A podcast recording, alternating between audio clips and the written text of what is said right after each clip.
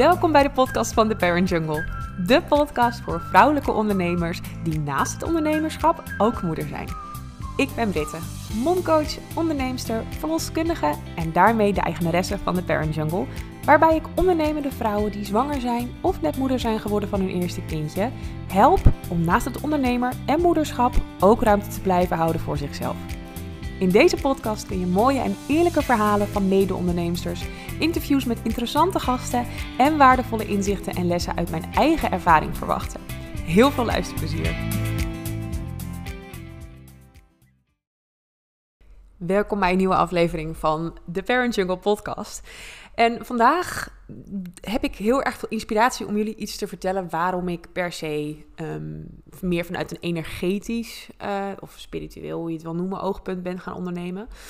Um, ik vind, ik zou mezelf omschrijven als heel nuchter, down to earth. Um, en spiritueel is niet een van de dingen die ik mezelf heel erg zou noemen. Nou ben ik in maart 2022 gestart met een opleiding energetisch ondernemen. Dat is de allereerste opleiding die ik ooit heb gedaan met betrekking tot het ondernemen. En waarom ik dus voor een energetische opleiding heb gekozen en uiteindelijk niet gewoon een andere. Um, was eigenlijk omdat ik, wat me daar heel erg in aansprak, was het stukje dat je dus onderneemt vanuit wie je bent en hoe het voor jou goed voelt om het te doen. En ja, laten we wel wezen, het ondernemen is ook de vrijheid die, er, die erbij komt kijken en de ruimte om, om zelf te bepalen hoe je je uren in wil delen, is daar een heel groot onderdeel van. Maar ook hoe ik mijn bedrijf, bedrijf zou willen inrichten, wilde ik heel erg doen op een manier die bij mij past. En wat ik daar heel erg waardevol aan vind, is dat ik dus zelf besluit dat ik bijvoorbeeld geen acht-urige werkdag heb door de week. Want blijkbaar werkt het voor mij gewoon ook niet helemaal lekker als ik Um, van 9 tot 5 werk. Ik eigenlijk heel eerlijk, ik vind het het fijnst om om half tien te beginnen. En uh, dan heb ik ergens nog een lunchpauze tussen half 1 en of nou, een beetje tussen 12 en 1. En dan ga ik door tot nou drie, vier uur. Heel veel langer hoeft het voor mij niet. Want dan komt er gewoon niks meer uit mijn handen. Ik word gefrustreerd. Ik merk gewoon dat mijn energie heel erg keldert. En ik heb het in het begin zeker ook wel gedaan hoor. Gewoon door, want ik wilde bepaalde dingen afkrijgen. Alleen sorry, het resultaat was gewoon veel minder, veel minder goed. Ehm, ik merkte het ook aan de reacties die ik van anderen kreeg. Zodra ik iets deelde vanuit dat het goed voelde en dat ik iets ook echt wilde delen, zoals ik bijvoorbeeld nu doe met deze podcast, dan merk je dat aan me. Mensen merken dat aan me, ik merk het aan mezelf en het stroomt gewoon veel meer. Ik, het, weet je, ik hoef er niet zoveel over na te denken. Ik kom dan uit mijn hoofd. Um, dus voor mij zit dat energetische stukje heel erg in doen wat op dat moment past en goed voelt. En ook als je dan bijvoorbeeld gaat kijken naar um, hè, de verschuiving die ik heb gemaakt van eerst alle moeders naar uiteindelijk heel specifiek de doelgroep die ik nu heb. ondernemende moeders uh, die een eerste kindje hebben, die, die hè, meer tijd en ruimte voor zichzelf willen. Dat is echt een proces geweest van voelen en, en Um, ook echt ingevingen. Dat ik denk, oh, maar dit moet ik doen. Dit voelt goed. En het dan dus ook gewoon gaan doen. En uh, ja, daar heb ik in die zin dus heel erg veel van geleerd. Wat ook echt voor mij een heel groot onderdeel is geweest van, het, van de opleiding, is ook daarin wel een stukje um, nou, acceptatie naar mezelf toe. Dat dat het spirituele niet per se zweverig hoeft te zijn. Ik vind dat dat er altijd heel erg omheen hangt. En ik weet ook in het begin dat ik dus niet zo goed durfde te zeggen tegen mensen dat ik een opleiding energetisch ondernemen deed. Ik zei dan vaak dat ik een opleiding ondernemen deed. Ehm, dus dat, dat was al heel erg grappig. Um, en ook om die kant van mezelf te leren kennen. En ook om daar nu voor uit te komen dat ik deze podcast opneem. Nou, dat zou ik um, een paar maanden geleden echt niet gedaan hebben. Dan zou ik het nog steeds heel erg voor mezelf houden. Maar het leuke is wat ik merk, hoe meer ik erover deel, hoe meer mensen zich toch eigenlijk ook wel herkennen in de dingen die ik zeg. Of die ik voel of ervaar. En um, ik denk ook dat we dat soms, we doen dat denk ik op een heleboel gebieden, dat ons heel erg conformeren aan uh, wat de maatschappij vindt. En ook in het moederschap. En ik denk dat we daar, dat energetisch moederschap bijvoorbeeld, ook iets heel erg belangrijks is. En hoe we dat in de volksmond vaak noemen, is moederlijke intuïtie. En dat vinden we allemaal een beetje vaag. En we vinden het vaak ook spannend om erop te vertrouwen, want het is geen wetenschap. Dus wat als je het fout hebt als moeder? Maar wat nou, hè, want stel dat je denkt, ja, ik durf niet op mijn gevoel te vertrouwen, want wat als het niet klopt? Dan ben ik geneigd om de wedervraag te stellen, maar wat zou het, wat zou er gebeuren als het wel zou kloppen? Als het elke keer als jij wat voelt dat er iets dwars zit bij je kind, dat het wel zou kloppen? Bedoel, dat gevoel is er niet voor niets. Dat gevoel komt ergens vandaan. En heel eerlijk, waar het vandaan komt, is van de oertijd. Want dan hadden we niet de dokter waar je naartoe ging. Nee, dan had je je moederlijke intuïtie en misschien een oma met veel ervaring uh, en een hele clan die je ook hielp daarbij. En nu leven we allemaal op eilandjes. We leven allemaal in ons eigen huis, in ons eigen, uh, onze eigen kleine mini-community. En we krijgen allemaal regels en, en um, adviezen en richtlijnen van anderen daarover. En vanuit de wetenschap. En dat is ook goed, hè? Heeft ook heel veel meerwaarde. Maar het nadeel is soms dat we het dan heel moeilijk vinden om iets, op iets te vertrouwen wat wat abstracter is. Um, dus het is zoeken naar een balans tussen wat vind jij zelf belangrijk, wat voelt voor jou als moeder goed en wat niet. Um, ik heb echt wel eens mensen gehad of, of moeders bij mij gehad die um, echt het gevoel hadden dat er iets niet klopte bij hun kind. Dus ze zijn heel erg gaan zoeken van wat, er, er klopt iets niet, ik weet niet wat, maar er gaat iets niet lekker in mijn kind. En wat we dan vaak doen, is ook heel goed. Hè? Dan ga je naar een arts of naar de huisarts of je gaat naar een specialist op dat gebied. En die gaat dan met jou kijken en die vindt dan niks. Dus die zegt er is niks aan de hand, het zal wel. En dan wordt het ergens op afgeschoven. Maar voor jou voelt er ergens iets niet goed. Nou, dan kun je eigenlijk twee dingen doen. Je kunt je erbij neerleggen en denken: oké, ik vertrouw dat, het is oké en ik, ik prima, ik laat het erbij. Of je neemt dat gevoel, dat stemmetje, wat ergens zegt van dit kan toch niet normaal zijn, serieus, en gaat verder kijken. En trouwens, jongens, jullie horen misschien op de achtergrond soms wat geboor. Dat zijn mijn buren. Um, als het te erg wordt, dan zet ik hem even op pauze en dan uh, begin ik even opnieuw. Maar dan weten jullie waar dit vandaan komt. Um, ik voel gewoon namelijk nu zoveel drang om dit aan jullie te vertellen dat ik, dat ik het zonde vind om, om te stoppen. Um, en ik denk dat dat een stukje energetisch moederschap is, wat bijvoorbeeld heel erg belangrijk is. Luisteren naar je intuïtie. Maar ook op andere gebieden. Um, we vinden bijvoorbeeld dat kinderen rond een bepaalde leeftijd op hun eigen kamer moeten slapen. En sommige ouders kiezen ervoor om hun kind langer bij zich op de slaapkamer te dragen. En daar vinden we allemaal wat van. Want een baby hoort apart te slapen. En hoe, hoe krijg je rust voor jezelf en je seksleven? En allemaal oordelen over dat besluit.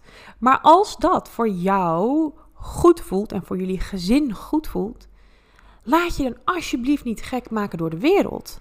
Ik bedoel, weten zij veel?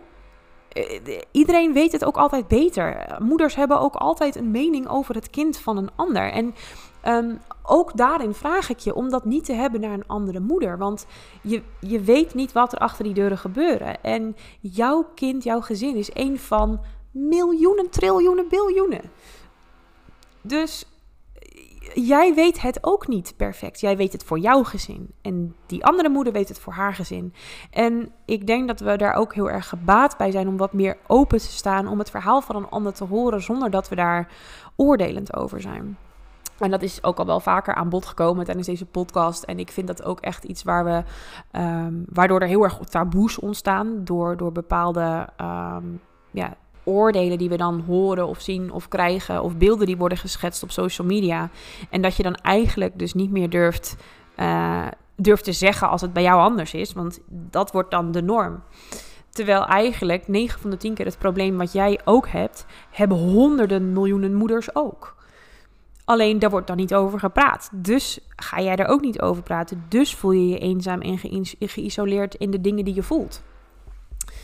Um, en ja, ik denk dat we daar dus met z'n allen moeten we, vind ik dat we daar wat aan moeten doen.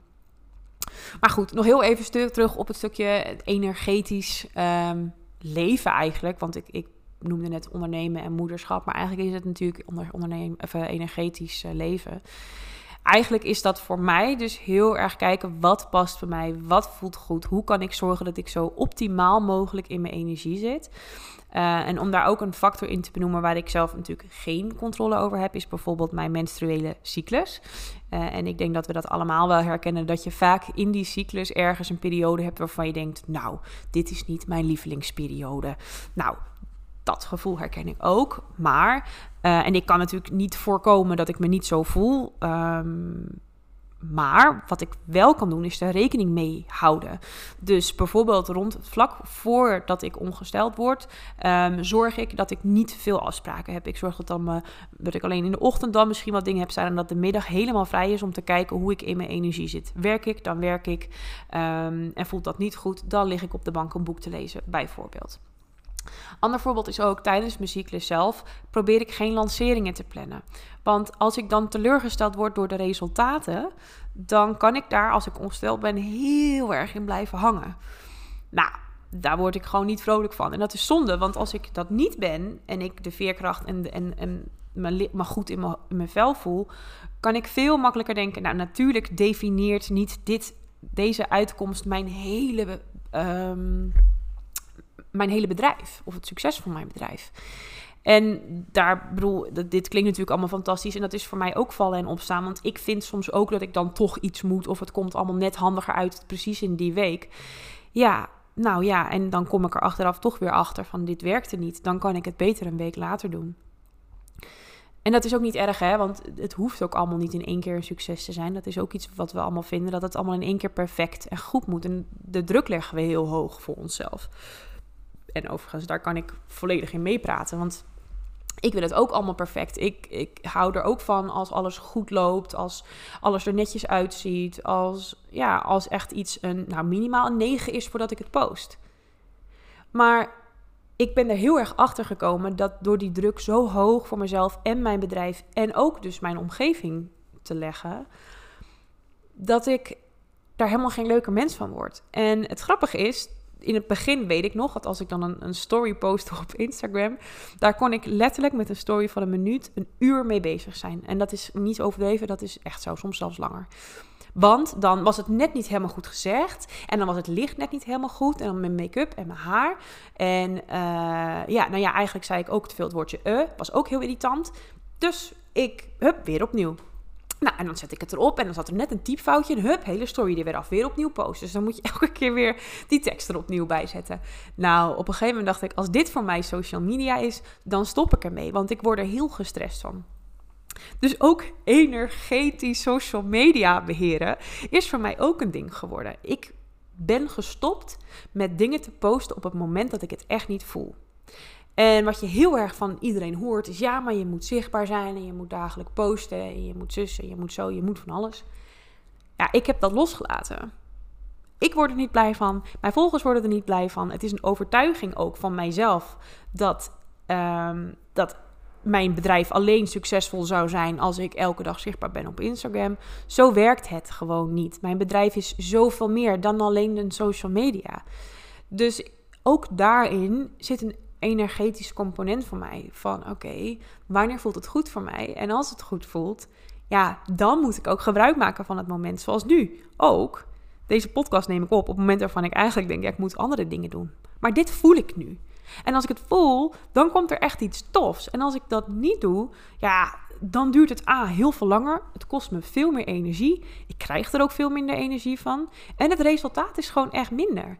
Dus ja, wie doe ik er een plezier mee? Nou, mezelf uiteindelijk dus niet. En daarmee mijn bedrijf ook niet.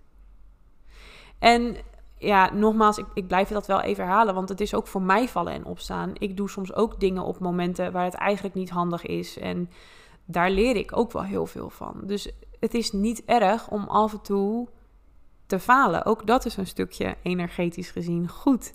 Leer dat je over bepaalde grenzen heen gaat en leer wat dat met je doet. Het is soms ook zoeken. Soms weet je ook niet waar een grens ligt voordat je hem overschreden bent. Um, ja, dus ik vind dit zelf, dit stukje, heel erg interessant. En ik merk ook dat, dat mijn bedrijf en dat ik er zelf dus een heel leuk mens van word. En daarmee dus ook mijn omgeving daar profijt van heeft. Mijn bedrijf heeft er profijt van. Uh, ja, en ik dus ook in het moederschap weet ik dat dat gewoon zo, zo werkt. Want ik zie het. Ik zie het gebeuren bij moeders die luisteren naar hun gevoel. Die voelen, oké, ik, ik zit nu even in een energiedip, dus ik ga vandaag mijn visite afzeggen.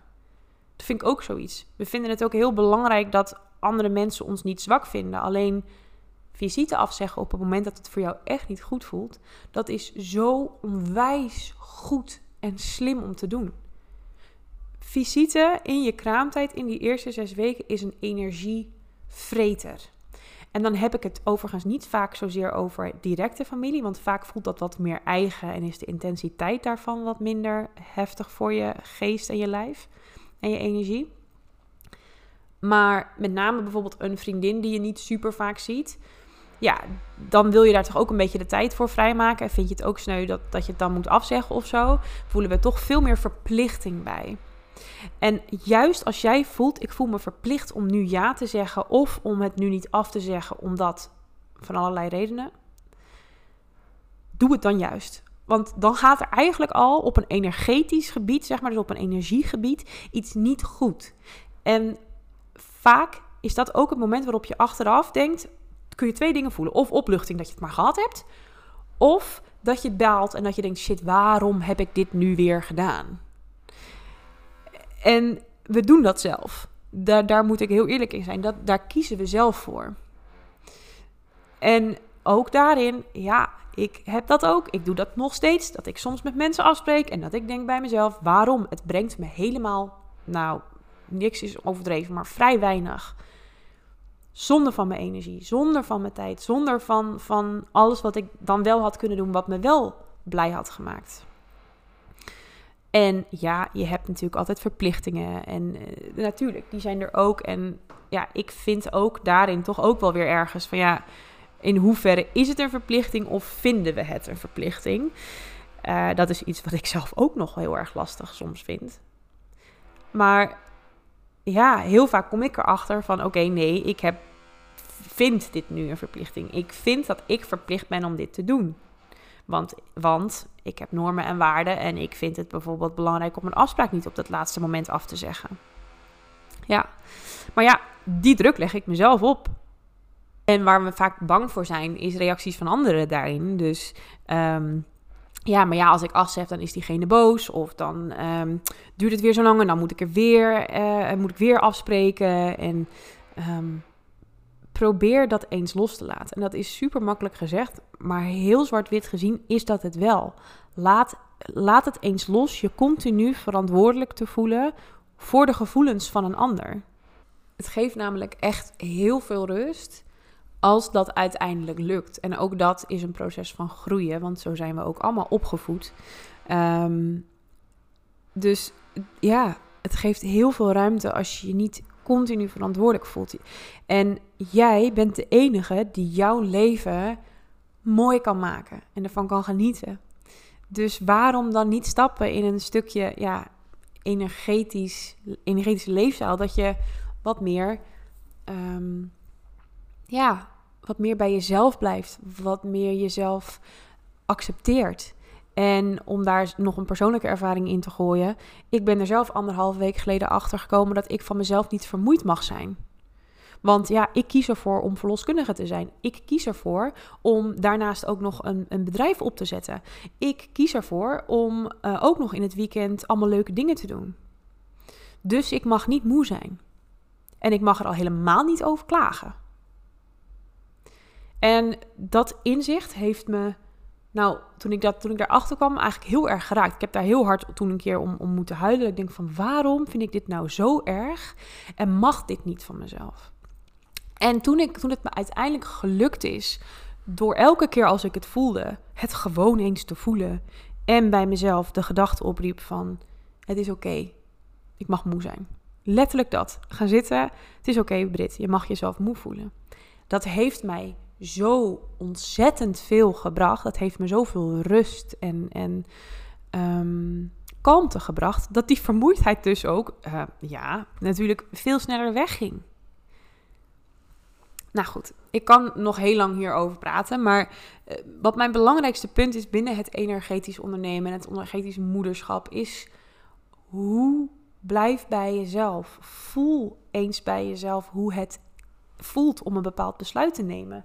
Of kijk eens wanneer jij op de dag nou echt de meeste energie hebt. En misschien kom je wel tot de conclusie dat je de hele dag geen energie hebt. Ook goed, weet je, ga daar dan eens onderzoeken van ja, wat je daarmee kunt. En um, vraag jezelf eens, wat heb ik nu nodig om beter in mijn vel te gaan zitten? En geef daar eens bijvoorbeeld prioriteit aan. Want ook vinden we het niet heel belangrijk soms om tijd voor onszelf te nemen of te, ja, of te focussen op dingen die, die echt belangrijk voor je zijn. En ik denk juist dat als je meer ruimte voor jezelf geeft, meer ruimte voor je gevoel, voor alles wat ik allemaal net heb opgenoemd, dat je je veel gelukkiger voelt. Dat je veel meer veerkracht hebt, dat je veel meer energie hebt, zin om dingen te doen, ruimte hebt. Dat is het gevoel wat ik heel erg herken, dat ik ruimte voel in, in mijn leven, in mijn bedrijf. En ja, ik vind het natuurlijk, ik bedoel, ik doe dit ook niet voor niets, hè, dit, dit werk, dit coachen van, van deze groep vrouwen, omdat ik zie hoeveel winst het geeft en ik het zelf ook heb ervaren. En juist met het moederschap en het ondernemerschap. Laatst zag ik ergens staan: het moederschap en het ondernemerschap is topsport. En toen dacht ik: ja, dat is ook echt zo. En van topsport word je moe. Net zoals van het moederschap en het ondernemerschap. Al kun je de sport zelf heel erg leuk vinden. Dus hoe kun je zorgen dat je er wel dat je er heel veel energie van krijgt. In plaats van dat het je alleen maar energie kost. Of grotendeels de energie kost. Ja, word hier zelf altijd heel enthousiast van om dit met jullie te delen. Omdat ik er heel veel passie voor voel. En ik doe dit natuurlijk, hè, dat coachen, ik doe het niet voor niets. Dus stel dat je bij jezelf zoiets hebt van, ja, weet je, ik wil dat gevoel ook. Of ik wil dat ook meer voelen en, en ervaren.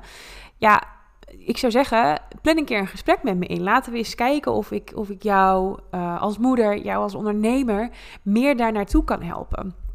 Um, als je zegt, lijkt me wat, check heel even in de beschrijving, daar staat een link. Dan kun je direct een uh, gesprek inplannen. Uh, kom je direct in mijn agenda namelijk. Zo niet ook helemaal prima. Dan zou ik zeggen, blijf lekker luisteren en de vruchten gewoon lekker plukken uit deze podcast.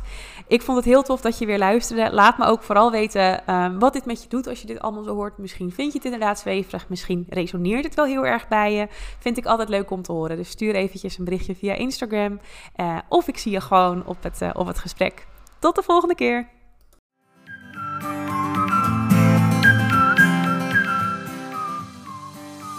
Bedankt voor het luisteren naar deze aflevering. Ik ben natuurlijk heel benieuwd hoe je het vond, dus laat vooral een reactie of een review achter. Daar help je mij mee, maar ook andere zwangeren of moeders die op zoek zijn naar een interessante podcast.